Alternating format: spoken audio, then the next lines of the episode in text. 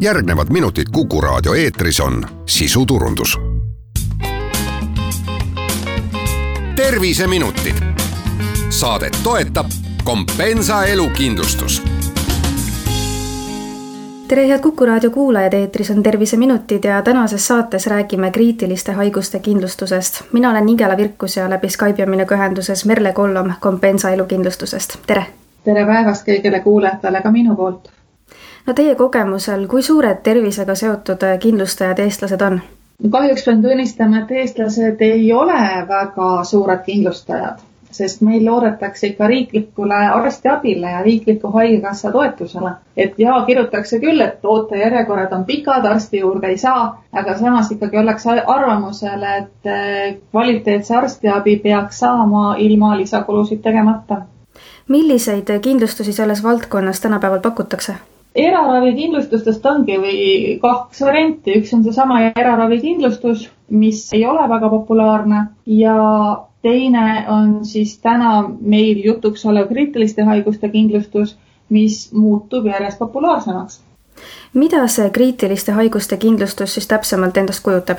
väga lihtsalt öeldes tähendab see seda, et kui inimene peaks saama mõne väga-väga raske haiguse diagnoosi, no mis on väga raske haiguse diagnoos, näiteks vähidiagnoos või infarkt, siis sellisel juhul kindlustus maksab talle välja kindlustushüvitise meie jaoks ei ole oluline, kui raske on see konkreetne haigusseisund, kui raske see infarkt oli, kui raske see insult oli, et me maksame välja selle konkreetse summa, mis oli inimesel kindlustuslepingusse märgitud. kellele siis ennekõike see mõeldud on?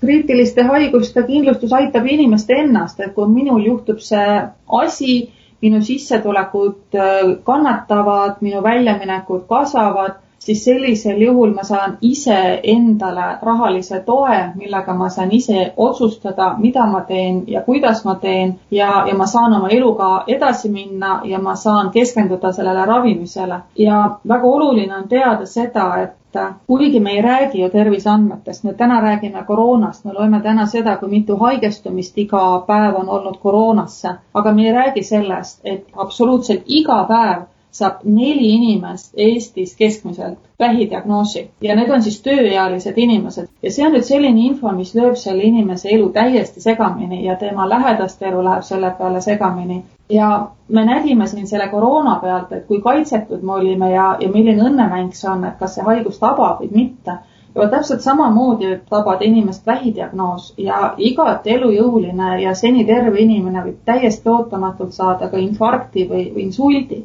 et me ei taha sellele mõelda ja see toimub kuskil meist kaugel ja meist eemal ja me kõik loodame, et, et seda meiega ei juhtu. aga täpselt samamoodi on lootnud ja mõtelnud ka kõik need inimesed, kes siiski on haigeks saanud ja no meie siin kindlustuse poole pealt, me ei saa mitte midagi muud teha, kui inimesele rahaga aidata. me ei saa diagnoosi ära võtta, me ei saa inimest ravida, me ei saa teda saata eriarstide juurde, kuid me saame välja maksta kindlustushüvitise ja inimene saab siis ise otsustada, mida sellega rahaga teeb ja, ja kuidas ta soovib ennast ise aidata. et on inimesi, kes tahavad äh, osta endale tasulisi meditsiiniteenuseid on inimesi, kes maksavad ravimite eest, on inimesed, kes vajavad äh, hea kvaliteediga taastusravi, aga on makstud sellest hüvitisest ka näiteks eluasemelaenu makseid.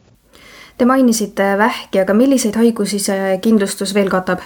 kõige levinumaid raskeid haigusi, lisaks pahaloomulistele kasvajatele siis ka südame-veresoonkonna haigused, infarkt, insult, raskene elupuudulikkus, skleroosis multipleksis, pimedaks jäämine, et need on siin kõige sees, noh, Eestis on ju tegelikult surmade põhjustest ikkagi need südame-veresoonkonna haigused ja pahaloomulised kasvajad kõige suuremad põhjused, eks ju, eks need inimesed ju enne seda on ka pikalt haiged olnud. aga muidu on jah, selles loetelus nüüd need kõige-kõige levinumad ja kõige raskemad asjad ja nüüd see täpne loetelu, et mis haigused täpselt nüüd on selle kindlustuskaitse sees, on ära toodud kindlustustingimustes. et täna siin võib-olla mul ei ole mõtet kogu seda meditsiinilist terminoloogiat, mida on mitu lehekülge ette lugeda, aga kindlustustingimustes on väga täpselt kõik kirjas, et oleks väga hästi täpselt selge, mis haigust on silmas peetud, millistele kriteeriumitele see peab vastama. kindlasti alati saab iga inimene kaasa ka selle nimekirja lepingu sõlmimise käigus kuidas koroonaga nüüd, ma saan aru, et see praegu sinna kindlustuse alla ei lähe, aga kas ühel hetkel võiks minna?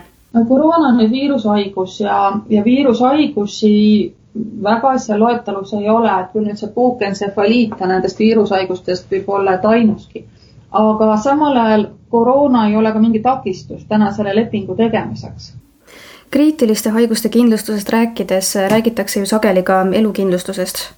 jah, see on nüüd selline mm, kaks ühes leping tegelikult. Et ühelt poolt äh, on see kriitiliste haiguste pool, millest ma siin juba päris pikalt rääkisin, et inimene saab ise ennast aidata, ta saab iseendale abi selle haigusega võitlemisel ja ka tavasissetulekute vähenemisel aga see teine pool sellest kindlustuslepingust on tõepoolest niiviisi, et juhul, kui nüüd inimene ise ikkagi ei saa selle haiguse vastu ja ta jääb sellele haigusele alla, siis sellisel juhul hakkab see elukindlustuslepingu teine pool tuleb mängu, ehk siis see surmajuhtumi kaitse. Ja inimese surma korral maksame me siis välja tema lähedastele surmajuhtumi kaitsesumma kas see tähendab, et kui ma ühel hetkel näiteks äh, kriitiliste haiguste kindlustuse soovin lõpetada, lõpetan automaatselt ka elukindlustuse?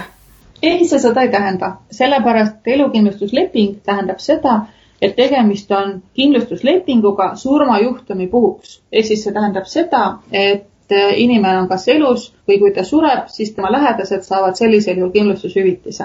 nüüd sellele baaslepingule saab juurde võtta erinevaid lisakaitseid, näiteks nagu kriitiliste haiguste kindlustus. ja, ja samamoodi ta võib sellest lisakaitsest, antud juhul siis kriitiliste haiguste kindlustusest, igal ajal loobuda, kui ta seda enam endale saada ei taha. millal tasuks aga üldse kriitiliste haiguste kindlustuse peale mõtlema hakata? Iga kindlustusleping tuleb teha enne seda, kui olukord on läinud halvaks. kui me elukindlustus ei ole nii levinud, autokindlustuse poole pealt, liikluskindlustuse poole pealt on, on võib-olla lihtsam kuulajatele seda selgitada. Te saate teha autokindlustuse siis enne seda, kui avarii on toimunud. peale seda, kui avarii on juba ära olnud, te siis enam kindlustust teha ei saa. täpselt sama lugu on ka elukindlustusega ehk siis selle elukindlustuse saab inimene teha siis ära, kui ta on veel elus peale inimese surma talle enam elukindlustuslepingut teha ei saa. täpselt sama lugu on ka kriitiliste haigustega. aga samal ajal on meil jälle selline probleem, et elukindlustuslepingust me võib-olla mõnikord mõtleme selle peale, aga igapäevaselt ta meil ette ei tule. et kui me autokindlustuse peale on, ütleb seadus, et ilma liikluskindlustuseta tänavale minna ei tohi sõitma, siis elukindlustuse poole pealt meil selliseid seaduse kohustusi ju ei ole ja, ja siit tulebki, et selle lepingu tegemise tõuke annab tihtipeale alles see, kui keegi sõpruskonnas saab raske diagnoosi ja, ja kui sõbrad näevad, kui raskesse majanduslikku seisu see pere siis satub. ja siis alles hakatakse mõtlema, et oot-oot, aga mul on ju ka lapsed ja oi-oi, aga mul on ju laenud ja ja tõepoolest minu elukaaslase sissetulekust ei piisa ju, et pere saaks tavapäraselt äh, edasi toimetada ja teine tõukemoment on siis, kui suguvõses esineb raskeid haigusi, mis kipuvad minema pärilikudeks, näiteks nagu vähk või, või teinekord ka on seal veel seal äh, suhkruhaigusi, et siis inimesed mõtlevad ka rohkem selle peale, et peaks tegema igaks juhuks endale sellise lepingu. ma lugesin, et seda tasuks vanuse mõttes võimalikult äh, vara teha, miks see nii on? Kindlustuse põhimõte, elukindlustuse põhimõte on selline, et kindlustusmakse sõltub sellest, kui suur on see tõenäosus, et see asi juhtub. nüüd, kui on noorem inimene, siis see tõenäosus, et inimene ära sureb, on väiksem ja selle tõttu on ka tema elukindlustuse hind odavam kui kindlustus tehakse inimesele, kes on noor ja terve, aga ühel hetkel haigestub, siis kas see varem kinnitatud äh, kindlustussumma jääb samaks või äh, sellisel juhul see muutuks? vot see on väga hea küsimus, sellepärast et siit tuleb jälle välja see elukindlustuse äh, eripära, et meie puhul on niiviisi, et kui see leping on ära tehtud, see kindlustusmakse on juba kokku lepitud, siis tervise halvenedes enam see kindlustusmakse kallimaks ei muutu. ehk siis, kui tervisemure tuleb juurde kehtiva lepingu ajal, siis seda olemasolevat kindlustusmakset selle lisandunud tervisehäda tõttu enam kallimaks teha ei saa. ja see ongi elukindlustuse ja ka kriitiliste haiguste lepingu mõte, et kindlustatakse ennast selleks puhuks, et äkki juhtub, äkki ma jään haigeks. Teie soovitusel, kuidas siis leida optimaalne kindlustussumma, et millele mõtlema peaks? see on jälle järgmine tore küsimus, et seda minu käest päris palju küsitud ja mina ei oska head vastust sellele anda. küll aga ma soovitan alati need summad väga põhjalikult enda jaoks läbi mõelda ja võib-olla see ongi see hea soovitus, et mõelge. et äh, Eesti krooni ajal öeldi, et oi kui äge, teeme miljoni krooni peale. no nüüd täna enam ei räägita miljonist eurost, täna öeldakse ilus ümmargune number on sada tuhat eurot aga tegelikult enamus inimesi ei kalkuleeri läbi, et, et mis see sada tuhat siis nüüd on või, või mis see mulle nüüd annab ja miks just sada tuhat, mitte näiteks viissada tuhat või, või nelikümmend tuhat. ja siit mina soovitan, on läbi mõelda see, kui suur see kindlustussumma olema peaks ja, ja mina soovitan võtta aluseks enda aastapalga. ehk siis siit on kõige lihtsam aru saada, et mida selle kindlustushüvitise eest endale lubada saab või, või on võimalik et kui on eesmärk korvata need haiguse tõttu jäänud, saamata jäänud sissetulekud, siis selline aastapalgaga võrdlus aitab väga hästi jalad maa peal hoida. ja miks seda peaks tegema, on see, et kindlustusleping on ju siiski tasuline teenus, kindlustusmakseid on vaja maksta ja inimese eesmärk peaks olema ikkagi iseennast aidata ja iseendale see rahaline tagala ja rahaline kindlustunne luua ja siis sellisel juhul on seda kõige lihtsam seostada niiviisi, et vot minu aastapalk on selline ja siis see kindlustusleping selle aastapalga ulatuses maksab nii palju, siis ma tean, mille eest ma seda kindlustusmakset maksan. ja siis mul on ka see kindlustunne, et vot kui mul nüüd juhtub midagi, ma saan mingi raske diagnoosi, siis sellisel juhul ma saan selle aastapalga suuruse summa ja ma saan sellega minna edasi, ma enam-vähem hooman, mida see tähendab aga lõpetuseks, mida te inimestele südamele paneks? ma siiralt soovitan, võtke enda jaoks aega. tulge, arutame koos läbi, kas kindlustusleping on teile kasulik, millised võimalused teil on olemas ja kas ja kui kallis see teie jaoks on siinkohal ongi hea lõpetada, suur aitäh kuulamast, mina olen Nigela Virkus ja läbi Skype'i oli minuga ühenduses Merle Kollom Compensa elukindlustusest, aitäh teile nõu andmast! kõike head! terviseminutid. Saadet toetab Kompensa elukindlustus